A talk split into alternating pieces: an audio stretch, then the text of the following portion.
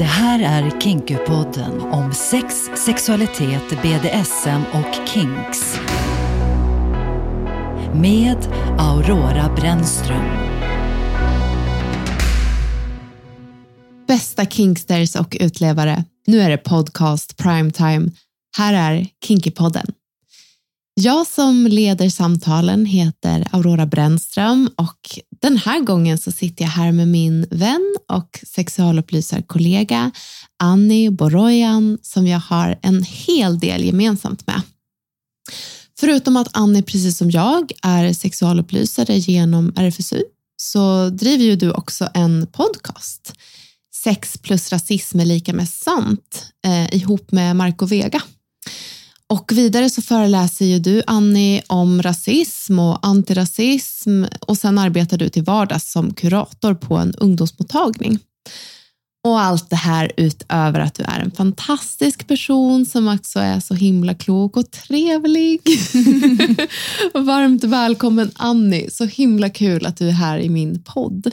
Tack! Gud vilken fin introduktion det där var.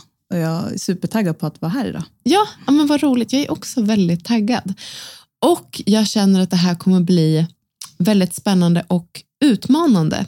För att mm. vi ska ju prata om ganska ja, men allvarliga ämnen egentligen, skulle jag säga. Mm. Jag hoppas att det ska bli lite kul också för lyssnarna att lyssna. Men, eh, men det är ju allvarligt. Mm. Um, och det jag hade tänkt prata med dig om är ju dels eh, rasism. Uh, jag vill prata om porr och exotifiering kopplat till sex, sexualitet och identitet. Och jag vill också prata med dig om stereotypisering och slutshaming. Um, ja, alltihop väldigt spännande och tunga ämnen kanske. Eh, men eh, innan vi går in på allt det här så tänkte jag börja med att ställa frågan hur du definierar kinks. Mm. Om vi börjar där då. Jag tänkte på det här lite inför. Jag är så himla så här sexualupplysarskadad. Så att jag ah, tänker ju så här. Ja, men man är det och jag tänker att egentligen är det ju vad som helst som är på något sätt enligt normen, um, inte avvikande, men liksom inte är vad många tänker normativt är något att tända på sexuellt. Mm. Och det, bara när man säger det där så visar det ju på hur himla vad som helst kan definieras som kink. Eller, så ja, jag vet inte. Det är väl också mycket upp till var och en om man själv liksom definierar det som en kink för sig själv eller mm. inte. Ifall eller om man själv inte gör det. Så jag vet inte, ett jätteflummigt svar. Men jag tycker inte riktigt det går, jag tycker det är svårt att säga generellt. Liksom. Ja. Det är ju det. Mm. Och jag börjar ju inse det mer och mer också. Ju mm. fler intervjuer jag har eh, med olika gäster, att det är ett, ett väldigt brett begrepp. Mm. Alltså, det visste jag redan innan, men mm. jag, jag inser ju verkligen det också när jag ställer frågan att det är det ju. Um, men um, är det ett begrepp som du, liksom, använder du dig av begreppet eller så? Jag tror att jag använder det ganska liksom lättvindigt mer och lättsamt, eh, mm. men inte när jag faktiskt eh, mer i seriösare sammanhang ska sätta ord på någonting. För att jag tycker att det är någonting som egentligen är ganska godtyckligt och upp till en själv. Alltså dels att en person får väl själv definiera om man definierar någonting som en kink för sig själv. Mm. Och jag kan själv när jag pratar i mitt privatliv eller med vänner använda begreppet mycket. Mm. Men jag tror att jag i, i ett mer seriöst eller professionellt sammanhang inte använder det eh, på det sättet för att jag tänker att tillskriver man ju någonting. Alltså, ja, jag tycker man kan vara kanske försiktig med när man använder det, i vilka sammanhang. Liksom. Mm. Men för mig själv kan jag använda det, eh, för jag vet ju vad det står för för mig. Liksom. Mm. Just det. That makes sense. Mm. Absolut. Berätta lite mer om dig, vem du är och vad du arbetar med, så att lyssnarna kan få en bild av dig innan vi går in på djupet på de här mm. dagens frågeställningar. Du gjorde en sån fin introduktion så jag ska försöka fylla på det. Ja. Men, eh, men jag är ju socionom eh, i grunden. Och eh, när jag pluggade socionom så började jag engagera mig i RFSU då. Och det mm. var då jag eh, blev sexualupplysare och innan dess har jag alltid haft ett stort intresse för frågor som rör sexualitet och, och liksom sexuell identitet eller sexuella uttryck på olika sätt. Så att det var inte att det var inte riktigt så att jag fick upp ögonen för de här frågorna helt och hållet när jag började i RFSU. Det var snarare mm. kanske därför jag drogs till RFSU, för att jag har haft ett intresse för sådana frågor sen innan. Sen så har jag jobbat nu sedan ja, snart två år på ungdomsmottagning som kurator där man också jobbar med allt möjligt kring ungdomar men också såklart sexuell hälsa inbäddat i det. Mm. Mitt i allt det här har jag också alltid haft ett... Alltså, jag har alltid varit väldigt så här, aktivistig när jag var ung. Alltså Mm. att jag har varit väldigt liksom som ung, så här, ung vuxen eller tonåring började vara engagerad i liksom feministiska frågor och hbtqi-frågor och sådär. Mm. Och började också engagera mig mycket i antirasistiska frågor. Mm. Eh, så. Men jag märkte mer och mer att i just så här, sexologiska sammanhang eller i sammanhang där man pratar mycket om sex, sexuell hälsa så tyckte jag att man sällan pratade om rasism. Mhm. Och jag tycker också att det många gånger var ganska vita rum och vita sammanhang och vita perspektiv som lyftes. Mm. Så det blev lite en grej för mig att så här, fortsätta fastna vid antirasism och driva på det i de sammanhangen. Mm. Så det blev lite av min nisch. Exakt, och, och det, det här är ju liksom någonting som jag, jag kan ju svara för mig varför, men jag tänker att för de som lyssnar som kanske inte liksom vet eller har tänkt på hur, hur, hur liksom landar man i att arbeta för en organisation som RFSU, alltså Riksförbundet för sexuell upplysning, ehm, och jobba med just den typen av frågor. Eh, du sa nu själv att du hade liksom engagemanget sedan innan. Vad, vad betyder det? Vad, vad kommer det ifrån då? Det här är ganska, har jag tänkt på ganska mycket faktiskt. Jag vet inte om det har att göra med att jag själv ibland eh, inte har velat vara i en box typ och att allt, mycket frågor som handlar om att vara normbrytande liksom går mycket in i sexualitetsfrågor också. Så att jag tror att jag eh, alltid haft ganska alltså sexuellt intresse, sexuella uttryck. Ehm, Jag har sedan jag var typ 12 började jag klä mig väldigt alternativt. Och det var ett väldigt, så här, en stark del av min identitet att få klä mig hur jag vill och sådär. Och jag kunde också klä mig väldigt Ryan Reynolds here from Mint Mobile. With the price of just about everything going up during inflation, we thought we'd bring our prices down. So to help us, we brought in a reverse auctioneer, which is apparently a thing. Mint Mobile unlimited premium wireless. Ready to get 30, 30, bit to get 30, bit to get 20, 20, 20, bit to get 20, 20, bit to get 15, 15, 15, 15 just 15 bucks a month. So, Give it a try at mintmobile.com slash switch. $45 upfront for three months plus taxes and fees. Promo for new customers for limited time. Unlimited more than 40 gigabytes per month. Slows. Full terms at mintmobile.com. There's never been a faster or easier way to start your weight loss journey than with PlushCare.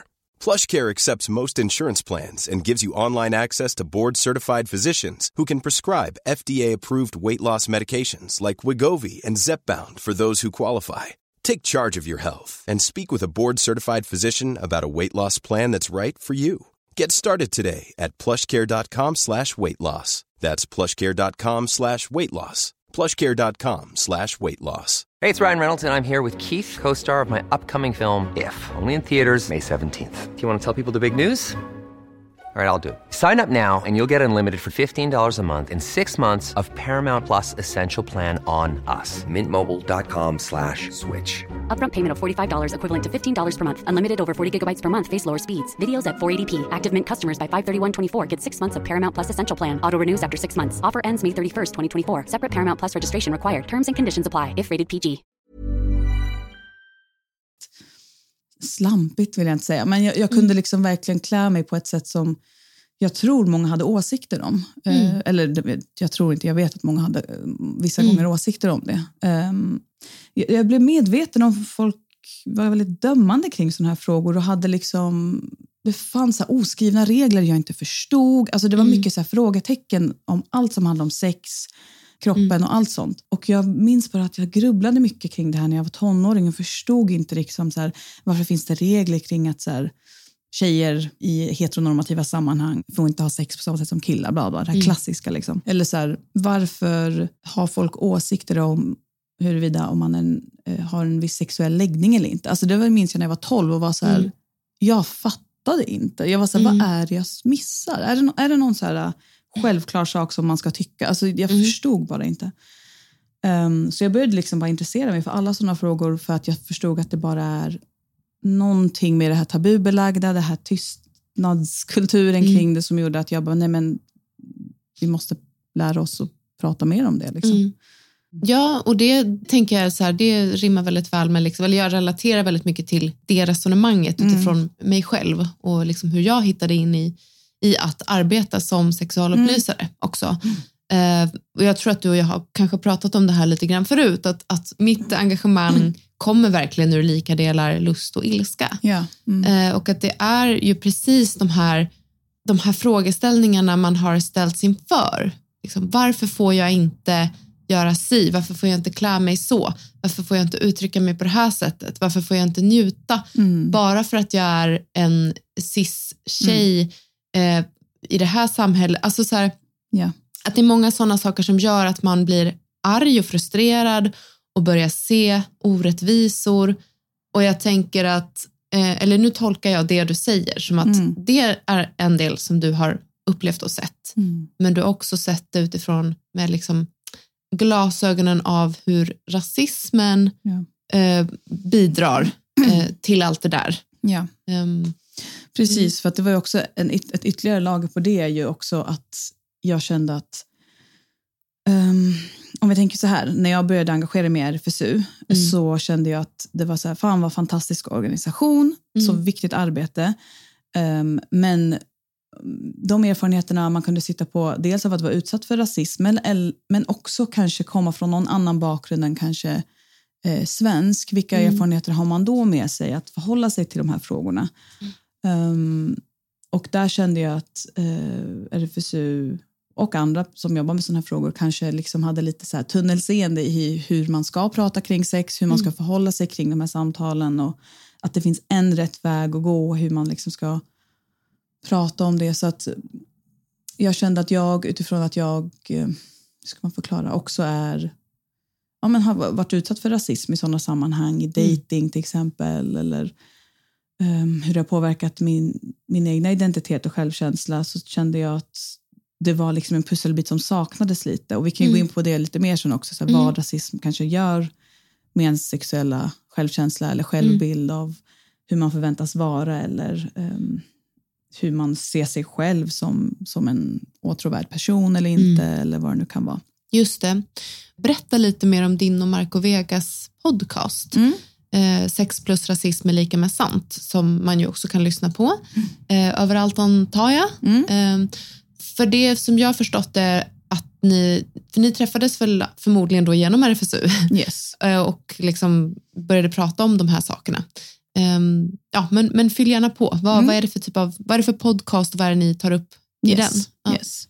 Jo, men vi träffades ju på kongressen 2019, jag och Marco. Vi hade, Jag kommer inte ihåg, vi hade säkert hört innan eller något sånt där.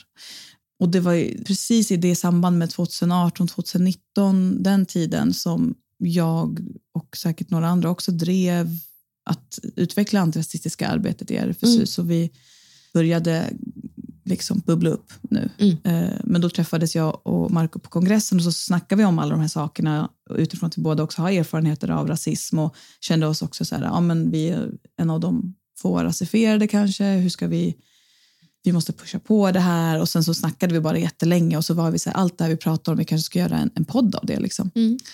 Och det var väl så det började. Sen så har det väl, eftersom att han bor i Malmö och jag bodde i Uppsala och Stockholm, så har det väl varit väldigt så här, ja, tagit tid att komma igång eh, och kanske inte alltid haft tid att upprätthålla det så. Men vi tänkte så här, vi gör det här som ett så lustprojekt, att när vi har tid och ork så spelar vi in lite avsnitt.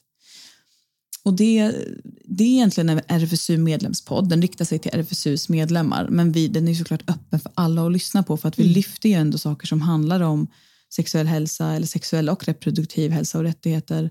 Eh, men med hur rasismens samtal också är relevanta i, i det. Liksom. Ehm, och det är mest liksom ett samtal mellan mig och Marco så som vi brukar snacka när vi sitter och fikar. Liksom. Ehm, men också lite ehm, både kunskap men också lite snack. Alltså vi kan ju växla lite mellan att vara lite så här, äh, sakliga men också att vara lite personliga och lite så här, fan, jag blir arg. lite så. Ehm, och det är väl lite det syftet vi vill ha med podden, att det inte bara ska vara så här, det här är fakta. Eh, för att vi är inte officiella sakkunniga precis. Eh, Men vi vill också lyfta fram någon slags frustration och ilska som ska få folk att lyssna och vilja engagera sig också i frågan. Eh, Och visa så här, det är inte så enkelt heller. Det är inte så svartvitt. Det är inte så här, här är enkla svar hit och dit. Utan det finns massa olika sätt att se på det här. Det handlar mer om det här knådandet och kunna liksom bolla och Mm. vrida och vända på saker med varandra. Liksom. Mm, jag tror att det är jätteviktigt. Mm. Eh, alltså, och, och det är ju därför jag gör den här podden också. För jag tror att det är viktigt att, att liksom hitta eller skapa forum där man får prata om saker, där man får liksom vrida och vända på, på begrepp och olika perspektiv. Exakt. Eh, det är så man skapar någon slags förståelse kring, Mm. kring svåra saker, helt enkelt. Du har ju intresserat dig för frågor som rör just då rasism och antirasism och exotifiering. Du har också stor kunskap kring alltså rasism och exotifiering kopplat till porr. Eh, vill du berätta lite mer om det och då främst kanske förklara hur rasismen och exotifieringen kan ta sig uttryck i porren? Absolut. Just porr brukar jag lyfta bara för att när man är eh, sexualupplysare eller när man jobbar på ungdomsmottagning eller Mm. vad det kan vara så är ju samtal om porr så oundvikligt. Mm. Det, det vet vi alla som är liksom på något sätt engagerade i den här frågan att det är ett kontroversiellt ämne, man vill prata mycket om det. Ehm, och jag upplever att många pratar mycket om liksom normer som vi hittar inom porren. Ja. Ehm, för där finns det ju, som sagt, inte relevant vad vi tycker om porr, för där kan alla tycka väldigt olika så här, hur Mm. man ska förhålla sig till det. Mm. Så det är en annan diskussion, men vi alla kan vara överens om att det finns mycket normer inom mycket porr. Mm. Ehm, och att vi kan få syn på mycket normer kring hur sex ska se ut, hur kroppar ska se Mm. ut, hur, hur man ska vara och massa saker. Ehm, men där jag känt att det var också bristande kunskap eller man pratade inte om alltså normer kopplat till eh, etnicitet eller kultur eller sådana frågor. Liksom. Mm. Vilket är ganska absurt, för när man går in på typ vissa porrsidor, speciellt en av de större, så är det ju mycket så här kategoriseringar utifrån typ etnicitet. Att man är eh, asian eller ebony som är för eh, svarta personer, Mm. Ehm, latino och så vidare. Man kan verkligen få så tydlig syn på hur vithetsnormer och eurocentriska liksom, ideal finns inom porren. Att så, här, så fort det är någon som till exempel är svart som ska vara med så kan det många gånger också anspela på en stereotyp att en person är svart. Man ska vara hypersexuell till exempel. Jag brukar verkligen prata mycket om till exempel svarta män inom porr, inom både liksom inom gayporren men också inom straightporren. Att det finns jättemycket stereotyper och gamla koloniala föreställningar om att svarta män är farliga eller har stora penisar. Det här är ju liksom från way back, att det här har funnits för att avhumanisera svarta och att svarta var primitiva och att därför hade de en sån himla eh, hypersexuell liksom, ja, de kunde inte kontrollera sig och var djuriska. Liksom. Och det här är ganska så här, märkligt när man tittar att porren fortfarande, och annan media självklart också, fortfarande porträtterar sådana här stereotyper. Mm. Och det finns ju en, en kategori som heter interracial som var en ganska vanlig porrkategori och den handlar ju inte om att det är olika etniciteter, olika personer med olika bakgrund som har sex med varandra utan den handlar ju om att en svart person har sex med en vit person, Ja. specifikt en svart man med en vit kvinna många gånger. Mm. Och det är ju också så här en gammal föreställning om att kvinn, vita kvinnor ska skyddas från den svarta farliga mannen. Mm. Eh, och så kommer gamla, gamla föreställningar och många hemska berättelser som finns kopplat till de här föreställningarna. Så det blir väldigt mörkt nu när man pratar Mm, om det här, så här, var det här kommer ifrån, så blir Just man väldigt så här, oj gud, det här var ganska mörkt. Liksom. Mm. Och det är ju någonting som ni också går in på och förklarar i den här podcasten, du Mm. och, och Marco. Men också, är det här någonting som du liksom jobbar med i ditt dagjobb som eh, kurator på ungdomsmottagning? Eller är det här någonting som du är ute och liksom föreläser kring? Nu, nu är jag utanför manuset här, Mm. men tänker du att, att det liksom kunskapen kring, kring det här som gäller just, Mm. alltså, just eh, exotifiering, alltså att så här, eller fetischering kanske av, av eh, ra, olika raser, så säger vi ju inte, Mm. men, men det är ju så. Etnicitet, Det, ja. ja, Sociala raser, ja. Ja, men nu sa jag raser för att eh, interracial, att det, är Ah, så här, ja. det ändå så här benämns så Ja. Mm. eh, i porrkategorier. Mm. Eh, är det en kunskap som du tycker att eh, liksom så här, som finns eller känns det som att du behöver liksom upplysa eh, ja, vilka det nu är som du träffar när du liksom föreläser? Att du behöver liksom ja, men verkligen upplysa kring det? Känns det som att, eller så här, vad får du för reaktioner när du berättar om de här sakerna? Mm. Ehm, jag tycker många gånger att eh, när jag har pratat om det, för jag, jag tycker ju att det behöver pratas mer om. Jag tycker mm. inte att när, alltså så här, när man väl pratar om det och säger det, då blir mm. folk så här, oh, right. Alltså mm. Det är som att det har varit framför en, och det mm. klickar. Det är mm. bara det att ingen har satt ord på det. Nej. Det är mycket det jag känner, att det är mm. inte som att folk är så här, nej så är det inte. Utan det känns som att många blir så här, hmm, ja det är kanske sant. Mm. Eh, men att man bara inte har kommit dit att prata om det. Och det är ju också kopplat till att Sverige generellt är väldigt dåliga på att prata om rasism. Alltså ja. man behöver öva mer på det. Liksom. Eh, det... För det är precis det jag tänker, att eh, eller så har det varit även för mig. Alltså mm. att eh, liksom förstå att wow, eh, det, här är, det här är inte okej, okay. det här är rasism. Eh, vad det nu än kan handla om. Liksom. Men, men just såna här ja, stereotyper då mm. som finns. Eh, som kanske kommer från porren men som faktiskt jag skulle säga liksom kommer från andra typer av filmer eller mm. media också. Mm. Eh, som, det så, här, så har det bara varit och att mm. det är så här, det är verkligen en eh, ett lärande i det här ja, för oss svenskar mm. kanske. Det här är verkligen så himla svårt, tycker mm. jag själv, att prata om. Vad är det som blir svårt? Är det att uh, prata om det, att sätta ord på det? Ja, men både och. Mm. Uh, för att det här är ju, alltså just de här insikterna mm. som jag tänker mig att du möter uh, när du berättar om de här sakerna, är ju saker som jag, alltså jag, jag kan verkligen förstå att det blir så, för det är mm. insikter som jag själv har liksom fått i vuxen ålder. Mm. Du vet, successivt. Mm. Eh, och också, ja, exempel man ser men också när man liksom får det förklarat för sig att så här ligger det faktiskt till. Mm. Att det blir så här, oj wow. Mm. Och att jag inte ens har tänkt på det, att jag inte ens har reflekterat över det här. Mm. Det, är ju, det kan ju vara faktiskt ganska smärtsamt. Mm. Eh, nu kanske jag pratar i, i gåtor för dig som lyssnar, men vi, vi kan ju också lägga in det att, att du, Annie, var ju eh, en av initiativtagarna till det här antirasistiska arbetet som vi just nu genomför inom organisationen RFSU också. Eh, som ju är jätte, jättebra, jättenödvändigt. Eh, men att eh, jag menar att jag, jag pratar dels om det, men jag pratar också om det i stort, att att jag upplever också att det finns i samhället nu eh, många influencers, eh, sakkunniga upplysare som, som sätter fingret på, som belyser eh, appropriering, mm. exotifiering, stereotypisering, mm. eh, fetischering av olika etniska mm. eh, personer och folk mm. och att det har funnits i vårt samhälle mm.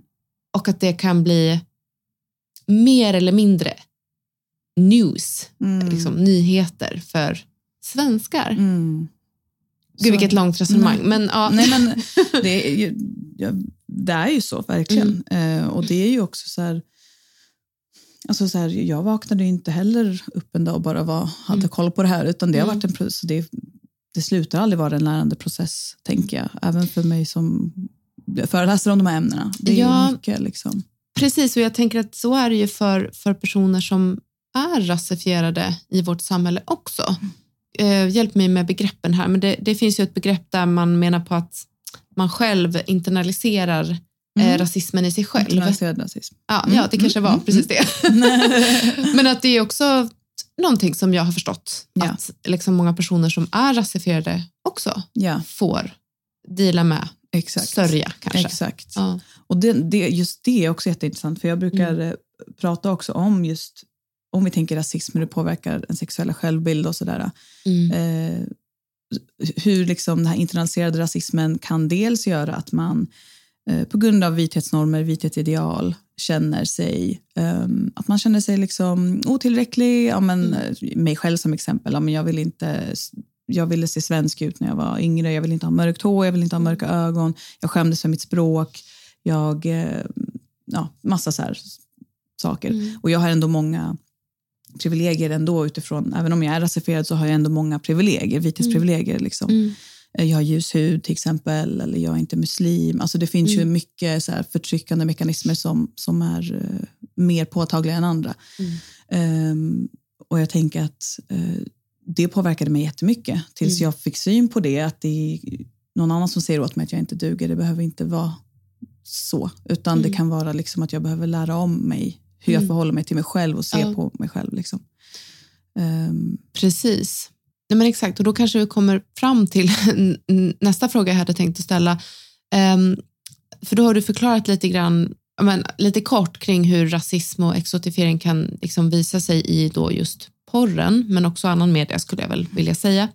Eh, så vad är dina tankar kring eh, hur de här fenomenen, alltså rasism och exotifiering inom porren, kan påverka oss som väljer att konsumera den här typen av porr? Um, det är så svårt, för jag tänker att det handlar väl mycket om att man ska mm, Jag tänker medvetenhet är framför allt det viktigaste. Eh, för porr är ju inte ensam problembärare kring sånt här. Porr är ju bara ett av många medier som förmedlar de här normerna, eh, men som kanske gör det lite mer extremt än andra medieformer såklart.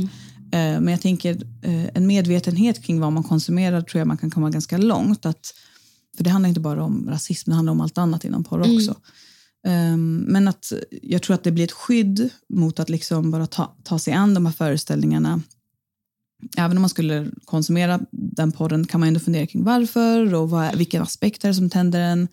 Är det just det faktumet att det är rasistiskt eller är det bara att man tycker om klippet eller vad det nu kan vara. Liksom. Ja.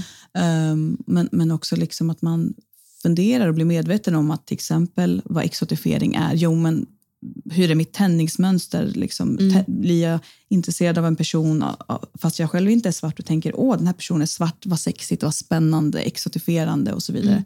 Då kanske man ska ta och fundera kring varför man gör så. För det, det grundar ju sig kanske i att man inte ser en person som en komplex individ utan vi beter oss som att liksom, det vita är normen och idealet och allt som avviker från det blir någonting annat, något spännande. Det blir ändå någon slags avhumanisering i det. Eh, Så att försöka granska sig själv i det här och hur ens tändningsmönster funkar och när man hamnar i det där. Och det är inte lätt, men jag tänker bara liksom ha en ärlig dialog med sig själv på något sätt i det. Just det, och det var ju typ svar på nästa fråga. Så hur kan man, men det är jättebra. Men för jag tänkte fråga dig liksom, om, om man nu vill konsumera porr, vilket jag tänker att man absolut får göra om man liksom vet vad man håller på med. Men hur kan man konsumera porr på ett lustfyllt sätt då med de här kritiska ögonen? Bra fråga. För jag tänker att när man också är medveten så kan ju man också bli medveten om hur, vad man väljer att titta på, vad man vill titta på, vad man tänder på och då kanske man, vissa saker inte blir spännande längre när man kanske har decolonize your mind så att säga. Alltså att man börjar bli medveten om vithetsnormer eller eurocentriska normer och börjar ifrågasätta det så börjar man liksom rewire hjärnan lite och tänka på ett annorlunda sätt kring andra människor. Och det kan vara en process som gör att man kanske börjar titta på annan porr eller så. Ja, man får ju som sagt ha en ärlig dialog med sig själv. Sen en annan aspekt av porrtittande handlar ju om så här, ja, men, eh, industrin och hur illa far personer inom industrin. Och det är en helt annan diskussion tänker jag. Men jag tror det finns mycket där också. Liksom, läsa sig in på om man skulle vilja det. Hur rasifierade personer eh, har det inom porrindustrin och sådär. Ifall man har det intresset och vill säkerställa att man konsumerar porr också som där inte folk far illa och sådär. Just det. Eh, så det kan man ju också kolla upp säkert. Ja, ja, och det är ju alltid en, en aspekt. Alltså, När man tittar på olika typer av porr, och särskilt om det kanske är mer våldsinslag. Alltså, det behöver ju inte handla om rasifierade personer, det kan ju handla om liksom, vilka personer som helst. Inom gayporr eller vanlig liksom, mainstream straight porr. Men att man märker så här, hmm, här kanske den här personen far illa eller ja, kanske borde typ kolla upp ifall Ryan Reynolds here from Mint Mobile. With the price of just about everything going up during inflation, we thought we'd bring our prices down. So to help us, we brought in a reverse auctioneer, which is apparently a thing. Mint Mobile unlimited premium wireless. Ready to get 30, 30, bit to get 30, bit to get 20, 20, 20, bit to get 20, 20, bit to get 15, 15, 15, 15 just 15 bucks a month. So, Give it a try at mintmobile.com slash switch. $45 upfront for three months plus taxes and fees. Promo rate for new customers for limited time. Unlimited more than 40 gigabytes per month. Slows. Full terms at mintmobile.com. I'm Sandra, and I'm just the professional your small business was looking for. But you didn't hire me because you didn't use LinkedIn jobs. LinkedIn has professionals you can't find anywhere else, including those who aren't actively looking for a new job but might be open to the perfect role, like me. In a given month, over 70% of LinkedIn users don't visit other leading job sites. So if you're not looking on LinkedIn, you'll miss out on great candidates like Sandra. Start hiring professionals like a professional. Post your free job on linkedin.com/people today. Det är så eller om det här är konsent. Exakt, Mm. verkligen. På, på det sättet är ju porren alltså, klurig överhuvudtaget. Ja, jag. absolut. absolut. Eh, och det är svårt också att veta så här, ah, om jag tittar på det här, är jag en dålig person? Alltså, man Mm. hamnar mycket i det där klassiska, du vet, så här, men är jag en dålig feminist om jag gör det här? Alltså det där Mm. Ja. liksom. Så att man ska inte heller stirra sig blind på att det finns liksom en rätt väg som ska på något sätt spegla vem du är som person. Men, Nej. men så länge du har en ärlig dialog med dig själv och framförallt fundera kring hur du förhåller dig till andra när du dejtar, när du Mm. pratar med andra. Det är ju där det absolut viktigaste är, för det är Mm. där du påverkar andra människor eller kanske råkar utsätta andra för rasism. Om du också går och i ditt dejtande håller på att exotifiera andra. Mm. Och, eller, eh, ja. Det där skulle jag nog vilja liksom stanna upp och prata lite mer om. Eh, Du har nämnt det här alltså dejtandet Mhm. ett par gånger i de här resonemangen. Vi har inte riktigt stannat i det, men jag skulle vilja göra det för att jag uppfattar att det är någonting som du tänker är en konsekvens. Alltså att det kan finnas konsekvenser av hur man väljer att dejta eller vad man hamnar i för typ av dating i relation till rasismen, eh, exotifieringen, Mm. eh, porren. Mm. Mm, jag vet inte exakt hur jag ska ställa frågan, Mm. men förstår du vart jag vill liksom på något sätt att vi utforskar? Ja, ja. ja. Rasism och dejting, ja. kortfattat. ja. tack. Nej, men, Det behöver nej, inte vara svårare än så. Ja. Jag tänker det är jätterelevant för att det, det är klart, eh, det går hand i hand med det här också. För att, eh, som jag sa innan också, att så här, eh, eurocentriska normer och vithetsnormer påverkar ens, en, ens, den rasifierade personens självbild om sig själv, men Mm. också de som inte utsätts för rasism, deras bild av andra människor också. Mm. Så det gör ju att man omedvetet kanske tycker att vissa saker är bättre än andra eller att eh, det finns ju det här testet som har gjorts på barn, eh, där man, ett känt test som har gjorts sedan 50-talet, där man mm. visar barn en svart och en vit docka. Ja. Och barnet väljer alltid den vita dockan för att den säger att den svarta är ful. Och det här har man gjort på barn, både svarta och vita barn, och Mm. även den svarta säger men den är ful. Och så undrar, frågar man barnet så här, men varför du, hur, vem tycker du att du är lik? Och då säger de, jag är lik den svarta. Ja. Och då kan man verkligen tänka sig hur det påverkar ens självbild Ja. redan där. Alltså det är så sorgligt. Ja, det, är Eh, jätte, ja. det är jätteskärande. Mm. Eh, men det visar så tydligt hur, hur människor liksom lär sig att så här, det vita är bättre. Mm. Och, det här, eh, och, och det här gör ju liksom att i dating är det många som säger att de upplever sig bortvalda. Alltså det finns både forskning som visar det, eh, men också erfarenheter jag själv har. Jag har pratat med folk i samtal på ungdomsmottagningen att de säger så här, nej men jag känner mig så här och så påpekar de olika drag de har som är kopplat till att de är icke-vita. Alltså min näsa är för stor, mitt hår är för krulligt, Mm. min hud är för mörk. Och, och då måste man ju vara medveten om att det här är vithetsnormer som gör såklart att man, man får sådana här komplex. Eh, kopplat till massa andra saker på individuell nivå också såklart.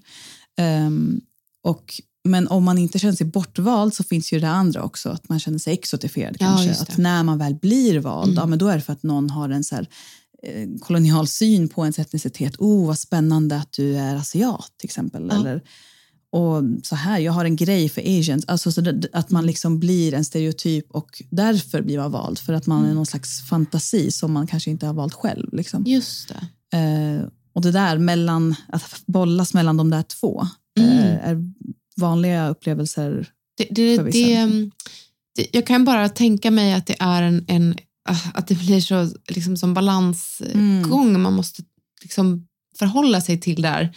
Det ena eller det andra är väldigt extremer, extremer båda två. Mm. Att känna sig ful och bortvald eller exotifierad och liksom fetischerad. Mm. Eh, Och att man får bära väldigt mycket historia och ett helt folk på sina axlar blir väldigt tungt. Mm. Verkligen. Mm. Och det säger ju mycket om hur människor ser på etnicitet. När man säger så jag har en grej för, till exempel, ja, men vissa säger att de tycker om asiater. Ja. Och man bara säger det är typ en, en hel, liksom, eh, vad heter det? Världsdel, Världsdel Asien, det. Ja, alltså exakt, asiater. exakt. Det är Ja. liksom miljarders människor. Exakt, exakt. Och det är det som är så, så himla intressant. Att vi, vi tror på något sätt att det går att säga, klumpa ihop människor på det sättet. Ja. Det är ju massa olika folkslag och grupper. Och, Ja. det är märkligt när man tänker efter. Verkligen. Det, det är som kategorin kvinnor. Eller så. eh, nej men jag tror, Annie, nu när jag liksom, eh, lyssnar och försöker formulera mig i det här som jag tycker är svårt. Jag, jag tror så här, varför jag själv tycker att det är svårt att prata om just rasism och, och exotifiering tror jag framför allt Mm.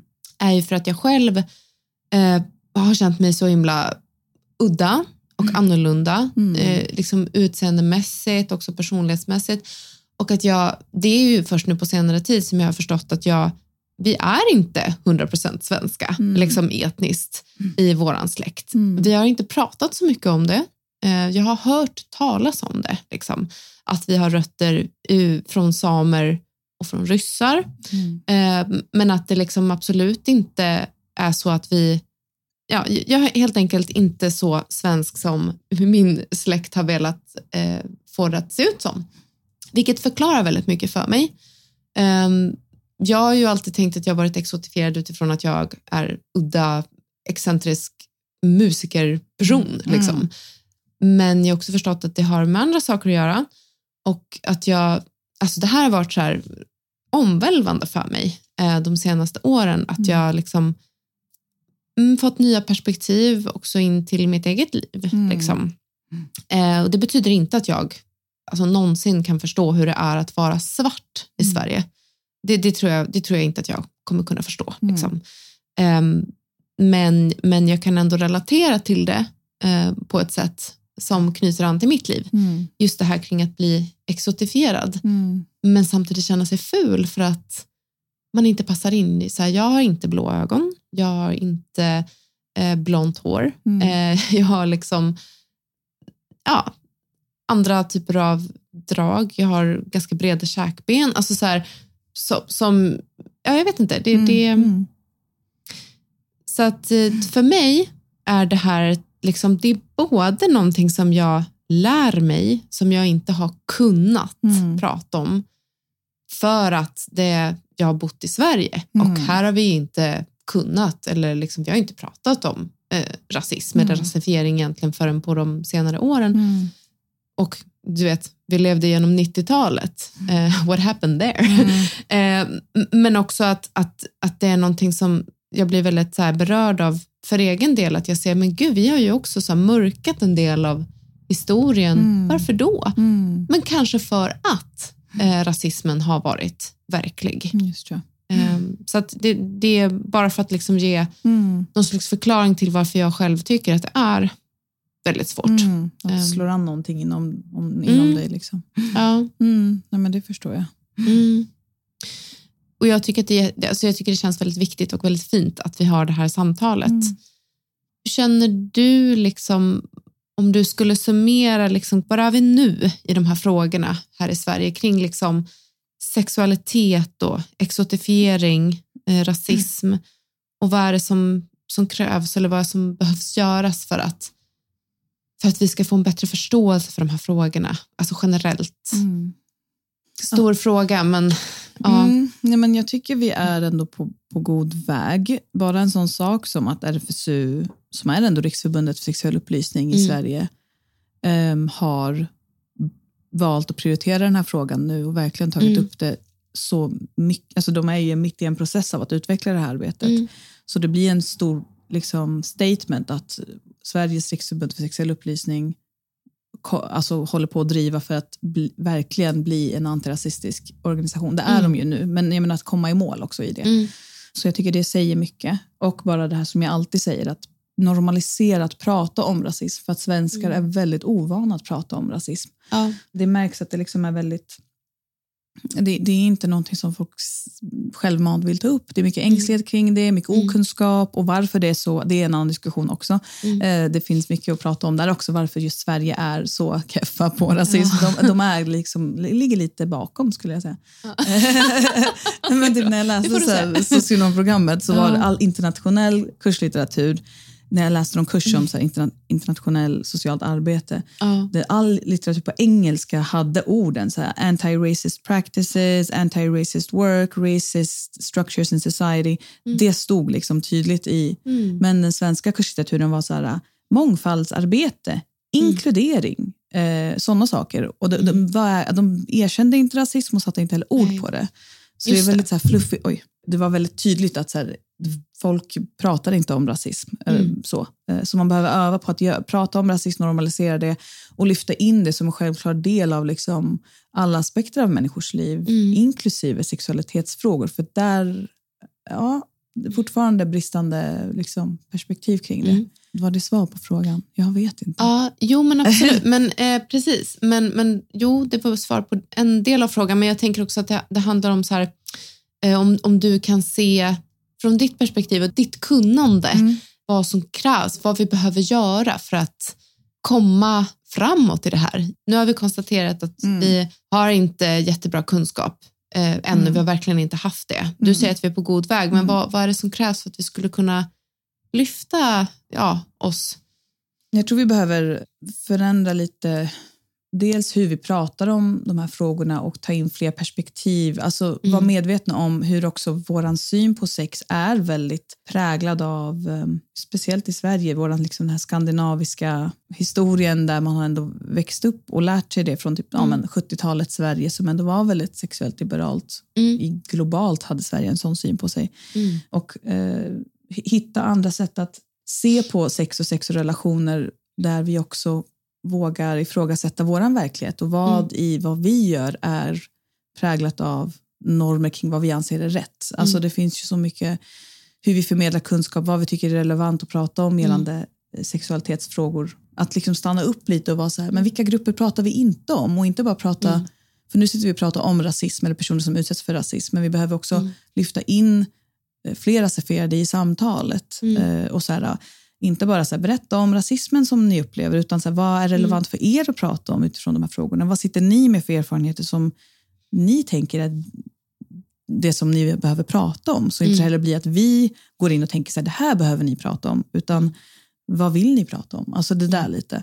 Ehm, så handlar mycket om ja, men, så representation och, och um, ta in fler perspektiv eh, som vi kanske inte har just nu. Och det är kanske därför vi behöver Alltså det är kanske därför jag inte heller vet ett tydligt svar på Nej, hur vi kommer vidare, för vi behöver först kanske Mm. höja vissa röster. Liksom. just det. Någonting som jag skulle önska mig alltså generellt, fast det, det handlar kanske om hela världen, men här i Sverige, är väl liksom så här, ehm, det handlar om, om alltså alla, alla kategorier av liksom yrkesverksamma personer som, Mm. som ska liksom yttra sig. Att så här, fan, erkänn att du har fel. Mm.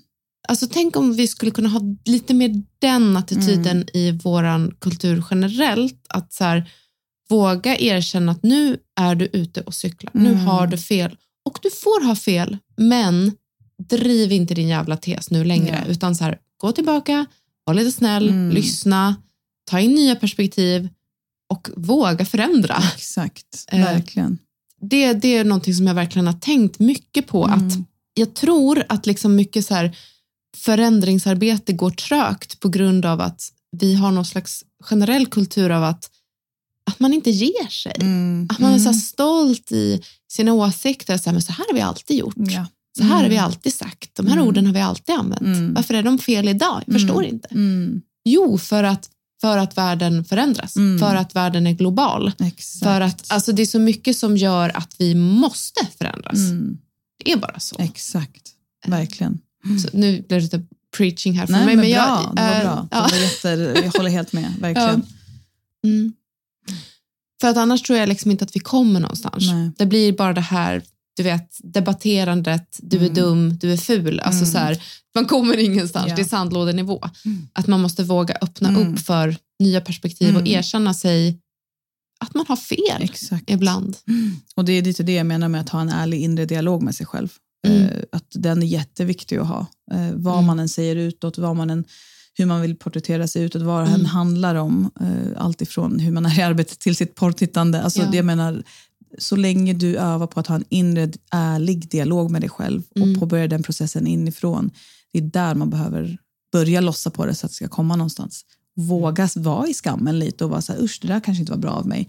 We've all been there, det jag med, det har du också. Alltså vi, Mm. det, är så, det, krä, det är det som krävs. Mm. Liksom. Eh, vi vaknar inte en dag och bara har koll på allt. Liksom. Nej. Fint. Eh, gud, det här skulle vi kunna prata jättemycket mer om. Eh, jag tänkte gå in på ett helt annat spår nu eh, medan jag har tiden. Det.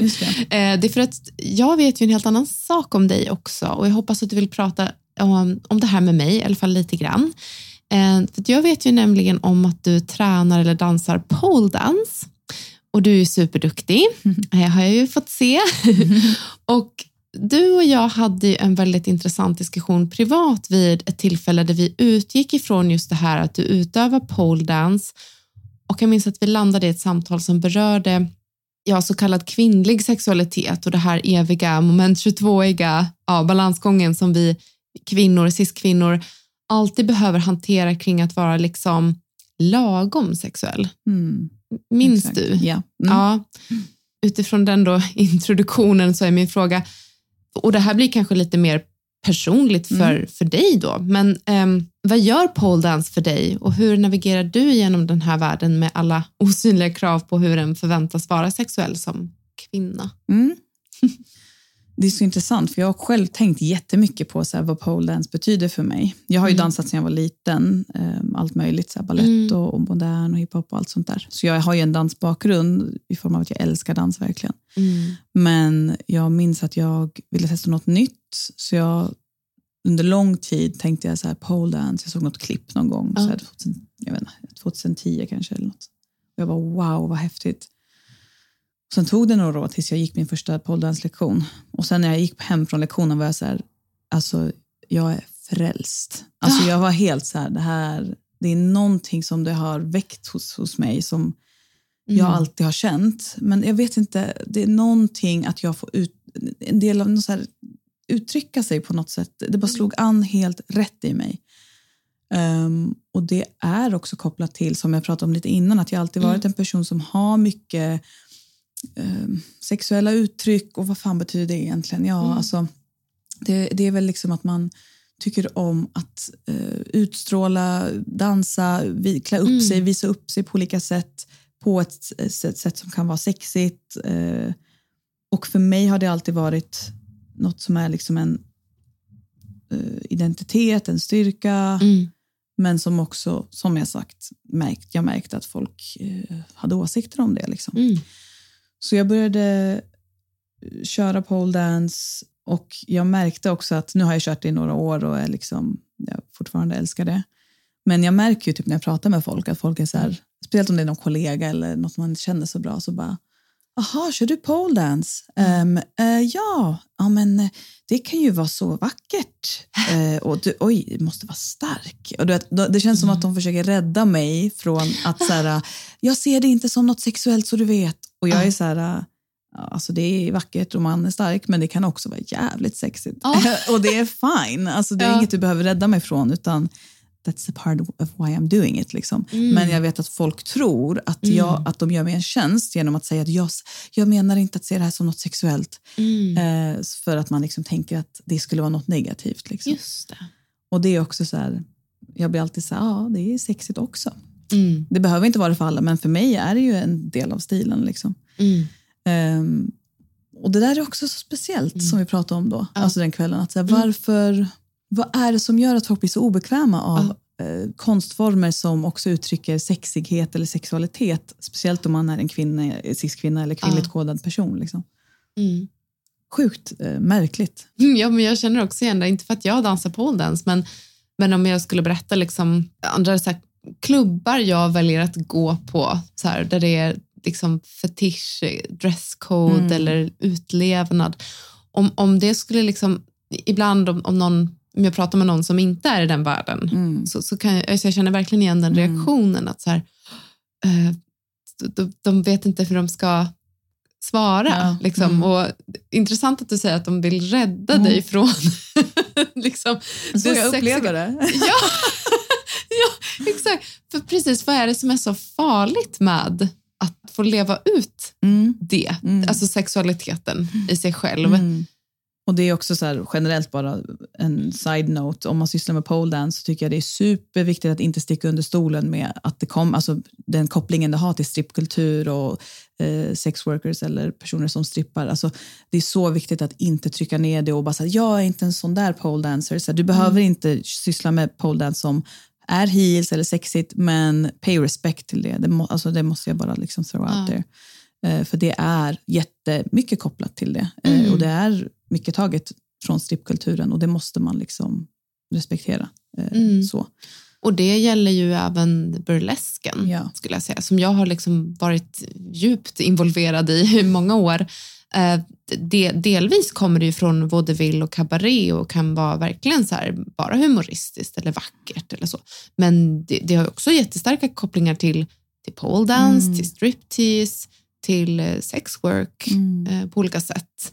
Eh, och att sexworker var ju ändå så här de som startade Pride, the riots Mm. liksom, i USA. Så att, att så här, ja, men som du säger, också ha respekt för Mm. historien Mm. och varför ska det vara någonting fel Mm. med det bara för att det handlar om sex. Exakt. Men det säger ju någonting om hur mycket tabu ändå som finns kring mm. sexualitet generellt, men också så, här, så kallat då, ja, kvinnlig Ja. sexualitet. Ehm, Ja, men för, jag, jag märker också den här dubbelheten som jag alltid försöker navigera mig inom. Att så här, vad är det som gör att folk blir obekväma när man är väldigt out there med sin sexualitet? Mm. Och vad är det som gör att folk har så mycket åsikter om det eh, på ett negativt sätt? För jag har ju blivit slutshamead många gånger av alla möjliga människor. Eh, blivit antastad på krogen av argument. Alltså, varför klär du dig sådär? Mm. Eh, jag har blivit frågasatt varför lägger du upp såna här bilder? Är du osäker på dig själv? Och jag, när jag var yngre var jag så här, "Mm, jag kanske gör det för att jag är osäker på mig själv. Och nu när jag är äldre, jag säger nej, I was feeling myself. Alltså snälla, låt mig vara. Ja, verkligen. Alltså, jag var verkligen inte, det kom inte från en osäkerhetsplats och det gör det fortfarande inte. Eh, så det var bara att man kanske inser att man är lite så exhibitionistisk och man är, man, det är ett sätt att uttrycka sig på och man är bekväm med det och man, man älskar det. liksom. Och så märker jag också så himla mycket när jag, för jag är mycket i queera kretsar och sådär, eh, när jag är liksom i, i sådana sammanhang eller också i andra typer av så här, med BDSM-kretsar eller vad det nu kan vara för någonting som inte är heteronormativa sammanhang så märker jag att blicken på mig utifrån hur jag klär mig eller min pole dance, den skiftar. Det är som att man har andra glasögon på sig när man tittar på det. Man blir så här, wow, inspirerande, häftigt, kul, sexigt. Alltså man, man ser det som ett annat uttryck, så precis som allt annat. Mm.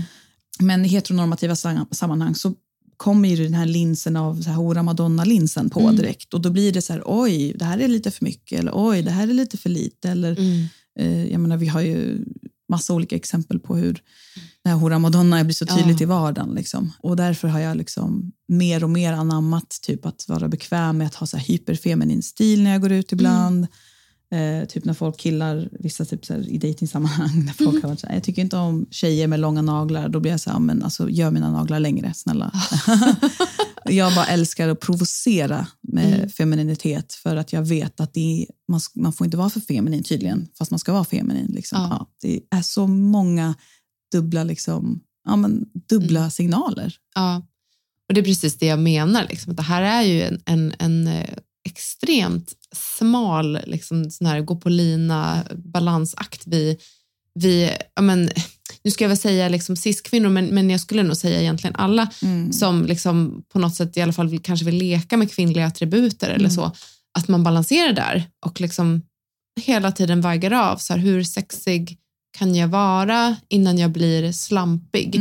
Och vad är det som är så fel med slampig? Och att man känner att man liksom också, jag kan verkligen relatera till det här, att man blir man vill provocera då, att man blir arg och då är vi tillbaka till det här liksom lust och ilskan Yes. igen Mm. där vi började.